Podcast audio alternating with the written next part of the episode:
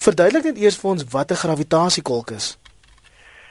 Wel, dit is eintlik nie 'n leë gat nie, uh, of 'n ruimte nie, maar 'n groot massa in 'n baie klein area. As jy nou 'n bietjie dink aan 'n ster wat 10 keer so massief is as ons son, wat ingeprop is in 'n in 'n in 'n area of 'n sfeer met 'n deursnee van sê maar Johannesburg of Kaapstad. Uh dan dan dit is dit is uh hoe dig daardie daardie massa is. Jy weet uh die, die gravitasieskolke is eerste keer ons het juis gister die 100-jarige herdenking gehad van Einstein se uh, uh, teorie of teorie E is gelyk aan mc kwadraat. En uh uh hy het toe destyds al voorspel dat wanneer 'n groot ster sterf, laat dit 'n klein massa maar 'n baie met 'n baie digte kern daarna. Jy weet laat dit agter en as as die kern se massa meer as ongeveer 3 keer ons son se is, wys sy wiskunde of die wiskunde dan dat die swaartekrag alle ander kragte verswelg en so word 'n gravitasiekolk gevorm. En wetenskaplik is dit nou hierdie merkwaardige proses waargeneem. Ja, hulle het eintlik al dit was baie interessant hoe die rol wat Twitter hierin gespeel het uh, in uh, Desember 2014 het die Ohio State Universiteit in Amerika met hulle optiese teleskoop in Hawaii het hulle uh voorspel het hulle gesê hulle het so 'n uh, ster gesien wat vernietig word.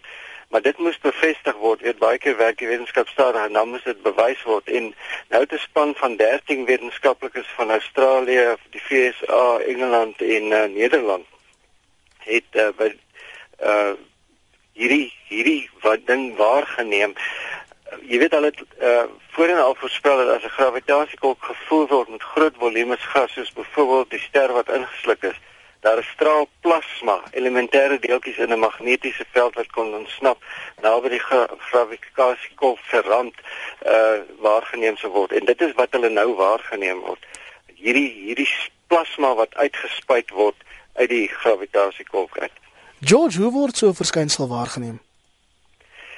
Wel, eintlik kan jy nie uh uh 'n gravitasiekol waarneem met uh teleskope of so nie. Wat hulle dit hoe hulle dit wel waarneem is die effek wat daardie swaartekrag want dit is 'n geweldige sterk swaartekrag die effek wat dit op die liggame naby met al die op die sterre en en en planete of wat ook al wat naby daai gravitasiekolk kom en as hulle daai vernietiging waarneem dan besef hulle daar moet 'n gravitasiekolk wees ek wonder nou het ons enige idee hoeveel van hierdie gravitasiekolke daar in die heelal is Wel hulle sê daar is ten minste een supermassiewe een in elke galaktika en daar is 'n klomp ander kleiners. En uh dis eintlik moeilik om te bepaal, maar dit kan letterlik uh, miljarde wees.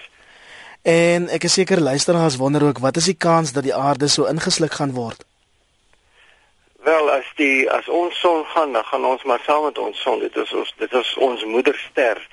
Uh Ons is redelik ver van uh, in ons Melkweg, redelik ver. Ons is ook nie in die middel van van van die Melkweg nie.